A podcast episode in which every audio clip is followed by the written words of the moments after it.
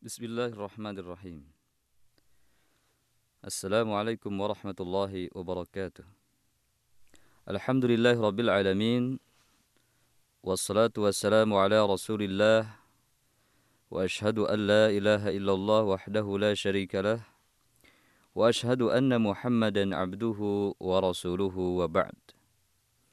Ikhwatal Islam, kaum muslimin wal muslimat, semoga Allah subhanahu wa ta'ala merahmati kita semua. Pada pertemuan kali ini kita akan membahas tentang berpaling dari agama.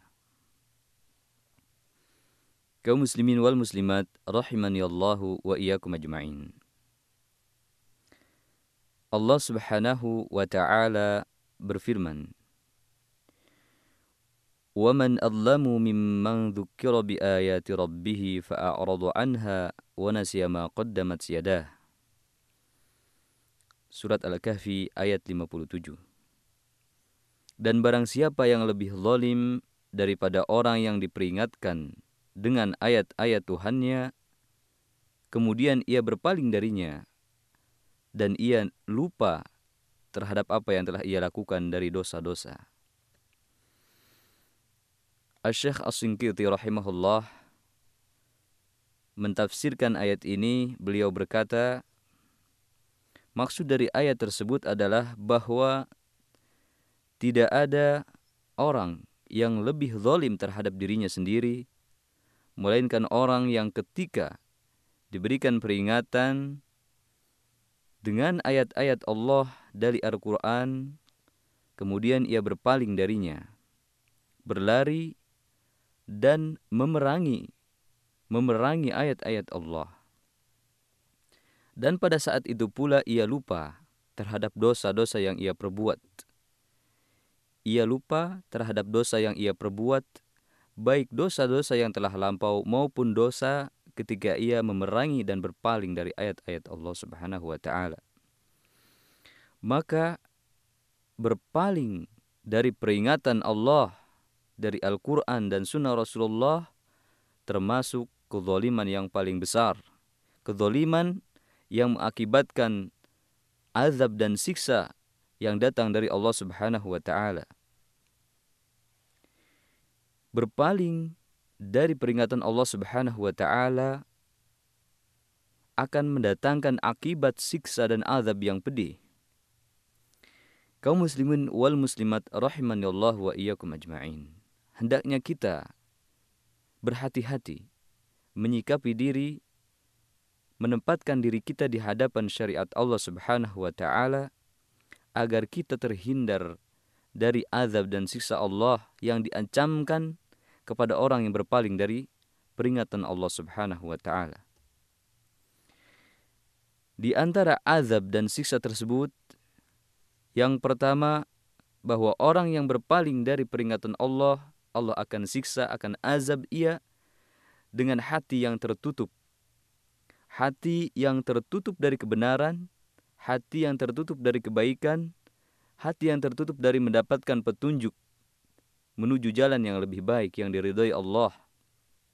Allah Subhanahu wa taala memperingatkan ancamannya dalam firman-Nya, "Inna ja'alna 'ala qulubihim akinnatan ay yafqahu wa fi adhanihim waqra wa in tad'uhum ilal huda fala yahtadu idzan abada." Sesungguhnya kami menjadikan dalam hati mereka itu akinnah, penutup, tabir penghalang, an sehingga mereka tidak memahami, tidak memahami kebenaran, tidak memahami jalan-jalan kebaikan, wa fi adhanihim waqra dan kami jadikan di dalam telinga mereka waqra yaitu penyumbat, sumbatan sehingga mereka tidak bisa mendengar dengan baik segala kebaikan dan petunjuk. Wa in tad'uhum ilal huda fala yahtadu idzan abada. Meskipun engkau mengundang mereka, mengajak mereka kepada petunjuk, falan maka sekali-kali yahtadu mereka tidak akan pernah mendapatkan petunjuk itu selama-lamanya. Itu sanksi dan akibat atau azab yang pertama. Kemudian yang lain selanjutnya Allah Subhanahu wa taala pula mengancam orang yang berpaling dari peringatan Allah dengan balasan atau azab ya yang pedih. Allah berfirman, "Wa man allamu mimman dzukkira bi ayati rabbih tsumma a'rada 'anha inna minal mujrimina muntaqimun." Dan barang siapa yang lebih zalim daripada orang yang diingatkan dengan ayat-ayat Rabbnya Al-Quran, kemudian ia berpaling darinya, menjauh, membenci, tidak suka, murka, dan sebagainya, inna minal mujrimina muntaqimun. Sungguhnya kami, kata Allah subhanahu wa ta'ala, akan membalas orang-orang yang berdosa tersebut. Kemudian sanksi selanjutnya bahwa orang yang berpaling dari peringatan Allah Subhanahu wa taala ia ibarat keledai liar. Tidak punya otak, tidak punya otak, tidak bisa mengambil manfaat seperti keledai liar hewan. Ya, hewan binatang diibaratkan sebagai hewan keledai. Allah Subhanahu wa taala berfirman, "Fama lahum 'anit tadhkirati mu'ridin." Mengapa mereka berpaling dari peringatan? Ka'annahum humurun mustanfirah. Seolah-olah mereka itu keledai liar yang terkejut berlari. Farrat min qaswarah. Mereka berlari seolah terkejut berlari dari dari singa. Takut dimakan oleh diterkam oleh binatang buas singa. Kemudian orang yang berpaling juga diancam dengan azab petir, guntur. Seperti petirnya yang telah menyambar kaum Ad dan kaum Samud. Allah Subhanahu wa taala berfirman, "Fa in a'radu faqul anzartukum sa'iqatan mithla sa'iqati 'adi wa Samud." Jika mereka berpaling, maka katakanlah, aku peringatkan kepada kalian ancaman dengan ancaman petir seperti ancaman uh, seperti petirnya yang telah menimpa kaum Ad dan kaum Samud. Selanjutnya, orang yang berpaling dari peringatan Allah pun diancam dengan kehidupan yang sempit di dunia dan di akhirat ia akan mendapatkan azab dalam keadaan buta. Allah Subhanahu wa taala berfirman, "Wa man a'rada 'an dzikri fa inna lahu ma'isyatan dhanka." Barang siapa yang berpaling dari peringatanku, maka sesungguhnya ia akan mendapatkan kehidupan yang sempit. Wa nahsyuruhu yaumal qiyamati a'ma. Dan kami akan kumpulkan ia pada hari kiamat dalam keadaan buta. Kemudian dalam ayat selanjutnya Allah melanjutkan mengkisahkan orang yang buta ini. Qala rabbi lima hasyratani a'ma wa qad kuntu basira. Ya Rabb, kenapa aku dikumpulkan dalam keadaan buta padahal dulu aku ketika di dunia bisa melihat. Allah Subhanahu wa taala menjawab, "Qala atatka ayatuna fanasitaha wa kadzalika al-yawma tunsa." Dulu engkau ketika di dunia engkau mendengar ayat-ayat saya, ayat-ayat kami kata Allah Subhanahu wa taala, akan tetapi engkau melupakannya. Engkau mengacuhkannya, tidak memperhatikannya. Fakadzalika al-yawma tunsa. Demikianlah balasannya pada hari ini, engkau dilupakan. Engkau dilupakan, engkau buta, engkau ditulikan dan sebagainya. Kemudian selanjutnya orang yang berpaling dari peringatan Allah juga diancam dengan azab yang berat. Azab yang sangat dahsyat. Allah Subhanahu wa taala berfirman, "Wa may yu'rid an dzikri rabbih yaslukhu 'adzaban su'ada." Barang siapa yang berpaling dari peringatan Rabbnya, ia akan mendapatkan azab yang berat. Azab selanjutnya, azab ini banyak sekali, tetapi kita sebutkan beberapa azab-azab dari Allah ini dan ini yang terakhir yang kita sebutkan Allah Subhanahu wa taala akan menjadikan bagi orang yang berpaling dari peringatan Allah menjadikan baginya teman dari setan. Karena ia berpaling dari peringatan Allah yang disampaikan oleh orang-orang beriman oleh para ulama, maka Allah menjadikan baginya teman dari para setan. Allah berfirman, "Wa may ya'shu an dzikir rahman nuqayyid lahu syaitana fahuwa lahu qarin."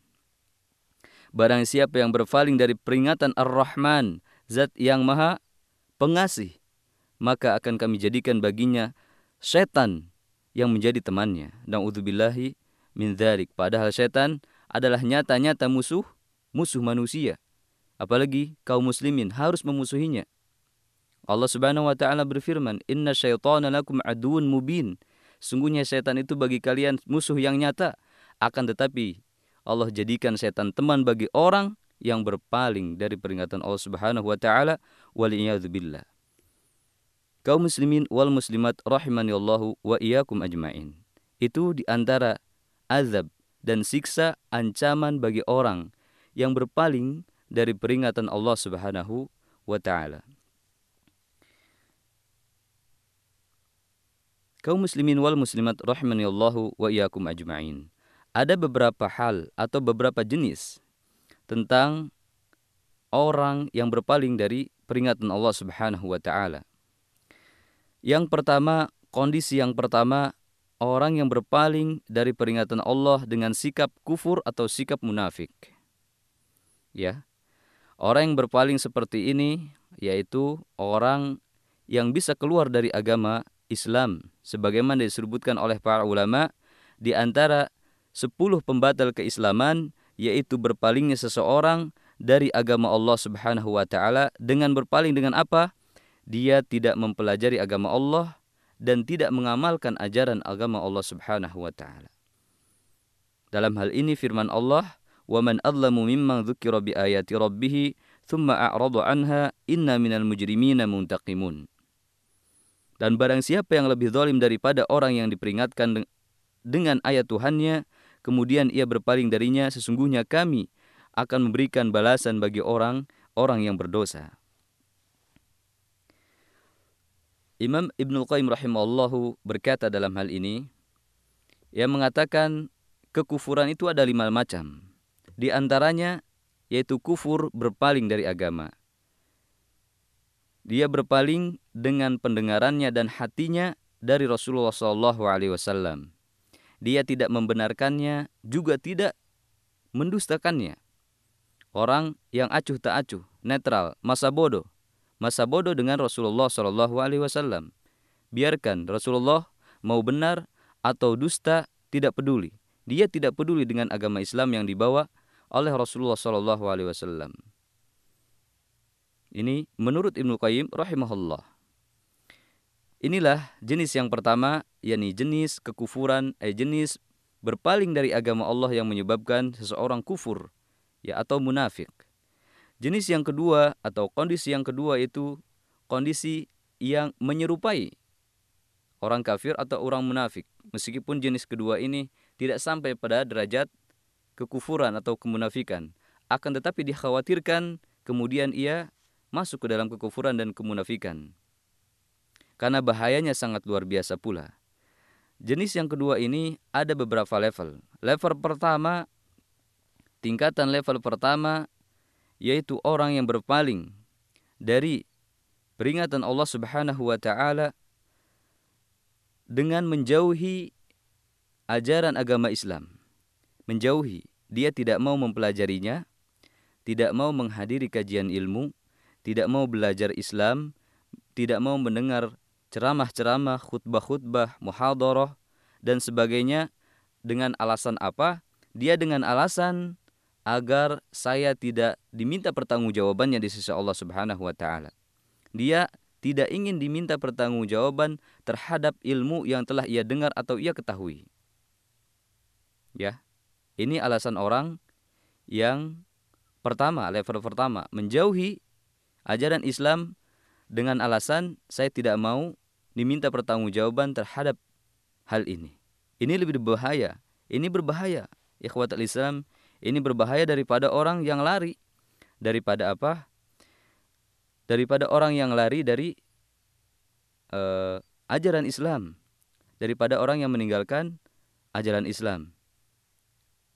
Dia terancam bisa jadi kemudian ia terancam dengan kekufuran dan kemunafikan. Dan ini merupakan sikap yang bodoh. Sikap bodoh yang kuadrat, bodoh yang berlebih-lebihan. Kenapa? Bedanya dia, orang seperti ini, lebih berbahaya daripada orang, misalnya orang yang belajar, telah mendapatkan ilmu, akan tetapi dia malas mengamalkan ilmunya. Ia tidak mau mengamalkan ilmu karena malas atau meremehkan. Nah, orang yang pertama ini yang menjauhi sama sekali pelajaran Islam lebih berbahaya daripada orang yang mempelajari Islam tetapi dia malas mengamalkannya. Sebagaimana yang diriwayatkan oleh Imam Muslim hadis dari Abi Waqid Al-Harith Ibnu Auf bahwasanya ketika ia sedang duduk bersama teman-teman para sahabat yang lainnya, ia berkata, إذ أقبل ثلاثة نفر فأقبل اثنان إلى رسول الله صلى الله عليه وسلم وذهب واحد. Ia menceritakan bahwasanya ketika ada tiga orang yang menghadap Rasulullah Shallallahu Alaihi Wasallam Kemudian dua orang dari mereka sampai menghadap kepada Rasulullah dan satu di antara tiga orang itu pergi. Tidak jadi menghadap Rasulullah SAW. Falamma waqafa ala Rasulillah sallama. Ketika dua orang itu sampai kepada Rasulullah, sampai di hadapan Rasulullah, mereka berdua mengucapkan salam kepada Rasulullah. Fa amma ahaduhuma fara'a furjatan fil halqati fajalasa fiha. Di antara dua orang ini, yang satunya menemukan suatu celah untuk duduk di halakoh jamaah majlis ta'lim, maka ia pun duduk di sana. Wa ammal akharu fajalasa khalfahum. Akan tapi yang satu lagi duduk di belakang jamaah. Dia terakhir. Di belakang jamaah tidak menemukan tempat duduk di depan. Wa ammal akhar fa adbaru zahiba. Akan tetapi orang yang ketiga itu dia pergi pergi tidak duduk di majelis ilmu. Falamma faragha Rasulullah sallallahu alaihi wasallam qala. Ketika Rasulullah sallallahu alaihi wasallam selesai mengisi kajian ilmu, Rasulullah bersabda, "Ala ukhbirukum anin nafari thalatha?" Saya akan mengabarkan kepada kalian cerita tentang tiga orang. Tentang tiga orang. Amma, amma ahadahum amma ahaduhum fa'awa ila Allah fa'awahu Allah. Adapun yang satunya ia mencari tempat kepada Allah Subhanahu wa taala. Ia mencari tempat di sisi Allah. Ia semangat untuk mencari ilmu ikhlas karena Allah fa'awahullah. Maka Allah pun memberikan tempat di kepadanya. Ia mendapatkan tempat duduk. Wa ammal akhar fastahya fastahya Allahu minhu. Akan tetapi orang yang kedua ia merasa malu. Maka Allah pun malu kepadanya. Orang yang kedua itu yang duduk di belakang paling belakang dari jamaah jamaah kajian ilmu. Wa amal akhar fa'arada fa'aradallahu anhu. Kata Rasulullah, adapun yang satu lagi ia berpaling, fa'arad fa'aradallahu anhu, maka Allah pun berpaling darinya. Al muslimin wal muslimat rahimani Allah wa iyyakum ajma'in. Ini level yang pertama. Level yang kedua yaitu orang yang berpaling dari peringatan Allah dari ajaran Islam karena ia merasa cukup sombong. Ia merasa telah memiliki banyak ilmu. Ia telah merasa pintar. Ia telah merasa faham. Sehingga ia tidak perlu lagi duduk di majlis yang pernah ia dengar, di majlis yang pernah ia pelajari. Ikhwatal Islam rahimani Allah wa iyyakum ajmain. Padahal para ulama salaf rahimahullahu taala mereka tidak bosan-bosan dalam menuntut ilmu, tidak bosan bahkan mengulang mengulang ilmu. Tidak bosan untuk kemudian bertanya kembali tentang ilmu meskipun mereka telah memahaminya meskipun mereka telah mengamalkannya. Ini level yang kedua yaitu level orang yang berpaling dari ajaran Islam dari peringatan Allah karena sebab sombong. Merasa diri cukup merasa diri pintar. Wal billah. Level yang ketiga yaitu orang yang berpaling dari ajaran Islam, dari peringatan Allah karena kebodohannya. Kebodohannya, ketidaktahuannya tentang kemuliaan ajaran Islam, tentang kemuliaan ilmu syar'i. Padahal ilmu syar'i sebagaimana dikatakan para ulama merupakan kebutuhan manusia yang paling utama Imam Ibnu Ahmad, Imam Ahmad Ibnu Hanbal rahimahullah berkata, "Hajatun nasi ila ilmi syar'i a'zam min hajatihim ila ta'ami wa syarab." Kebutuhan manusia kepada ilmu syar'i lebih besar daripada kebutuhan mereka kepada makanan dan minuman. Sebagaimana diriwayatkan oleh Imam Muslim, hadis Uqbah ibnu Amir, ia berkata, Kharaja ilaina Rasulullah sallallahu alaihi wasallam wa nahnu fi suffah. Rasulullah sallallahu alaihi wasallam keluar menuju ke kami dan kami ketika itu berada di Suffah, sebuah tempat di pojokan masjid. Faqal Nabi SAW berkata, Ayyukum yuhibbu an yaghduwa kulla yawmin ila buthan awil aqiq? Mana yang kalian sukai? Setiap pagi kalian pergi ke daerah Buthan atau Aqiq, fayatiya minhu binaqataini kaumawain. Kemudian ia salah satu seorang itu datang dari Buthan atau Akik itu dengan membawa dua onta yang punuknya besar, onta yang paling bagus, fi ghairi ithmin wala qati'ati rahmin. Perjalanannya itu menuju ke sana tidak ada tujuan dosa, tidak ada untuk e, memutuskan silaturahim. Maka para sahabat berkata, "Kulna ya Rasulullah, wahai Rasulullah, kulluna nuhibbu dzalik." Kami semua suka itu semua. Tidak ada pilihan bagi kami mau ke Buthan, mau ke Akik selama hasilnya seperti membawa dua ekor unta yang sangat besar punduknya. Kata para sahabat, "Kulluna nuhibbu dzalik." Kami semua mencintai itu, menyukai itu. Qala Rasulullah menjawab, "Fala an yagdua ahadukum ilal masjid faya'lam aw yaqra ayatain min kitabillah khairun lahu min naqatain." Seandainya ada di antara kalian yang pergi ke masjid kemudian ia mendapatkan ilmu dari masjid tersebut atau ia membaca dua ayat dari Al-Qur'an maka itu lebih baik baginya daripada unta tersebut dua ayat Al-Quran lebih baik daripada dua unta yang gemuk yang memiliki punuk yang sangat besar yang sangat bagus. Kemudian Rasulullah melanjutkan wasalasin khairun lahu min salat. Tiga ayat membaca tiga ayat Al-Quran lebih baik daripada tiga ekor unta itu. Wa arba'un khairun lahu min arba'in dan empat ayat Al-Quran lebih baik baginya daripada empat ekor unta itu wa mitli a'dadihinna minal ibil dan lebih baik daripada jumlah yang banyak daripada unta. Yakni semakin banyak kita membaca Al-Qur'an di masjid di rumah Allah Subhanahu wa taala, maka semakin besar semakin agung pahalanya daripada sejumlah unta. Sejumlah unta yang ada. Taib. Kemudian Abi Darda menceritakan sebagaimana diriwayatkan oleh Imam Ahmad dalam musnadnya bahwa Nabi Shallallahu Alaihi Wasallam bersabda, "Man salaka tariqan yatlubu fihi ilman, salakallahu bihi tariqan ila jannah." Barang siapa menuntut sebuah jalan, di jalan itu ia menuntut ilmu, sebuah ilmu saja, maka Allah Subhanahu wa taala akan memudahkan baginya, menjadikan baginya sebuah jalan ke surga. Wa innal malaikata la tad'u ajnihataha ridon li talibil ilmi dan bahwa para malaikat akan mengepakkan sayapnya, membentangkan sayapnya sebagai tanda keriduan mereka kepada penuntut ilmu. Wa innahu la yastaghfiru lil alim man fis samawati wal ardi hatta al-hitanu fil ma. Dan bahwasanya malaikat itu akan memohonkan ya, bahwasanya akan memohonkan ampun kepada orang yang berilmu makhluk di langit dan di bumi sampai-sampai ikan di lautan akan memohonkan ampun kepada orang yang berilmu. Wa fadlul alimi 'ala al-'abid ka fadlil qamar 'ala sa'iril kawakib. Dan keutamaan orang yang berilmu dari orang yang beribadah keutamaan orang yang berilmu dari orang yang beribadah seumpama keutamaan bulan terhadap bintang-bintang yang lain.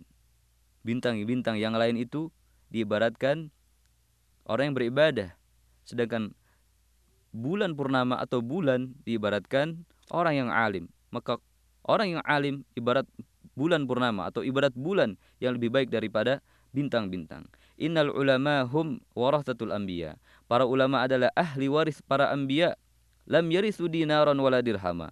Akan tetapi para anbiya tidak mewariskan dirham ataupun dinar. Wa innama warithul ilma akan tetapi para anbiya mewariskan apa? Mewariskan ilmu faman akhadahu akhadha bihaldin wafir. Dan barang siapa telah mengambil ilmu tersebut, maka ia telah mengambil dengan bagian yang sangat wafir, sangat banyak sekali. Kaum muslimin wal muslimat rahimani Allahu wa iyyakum ajmain. Kita memohon kepada Allah Subhanahu wa taala semoga Allah berkenan memberikan taufik dan hidayahnya kepada kita akan memberikan petunjuknya agar kita senantiasa diberikan hati yang tunduk kepada peringatan-peringatan Allah, kepada ajaran-ajaran syariat Allah yang datang dari Al-Quran maupun dari sunnah Rasulullah Sallallahu Alaihi Wasallam. Walhamdulillahirabbil alamin wa sallallahu wasallam ala nabiyyina Muhammadin wa ala alihi washabihi ajma'in. Wassalamualaikum warahmatullahi wabarakatuh.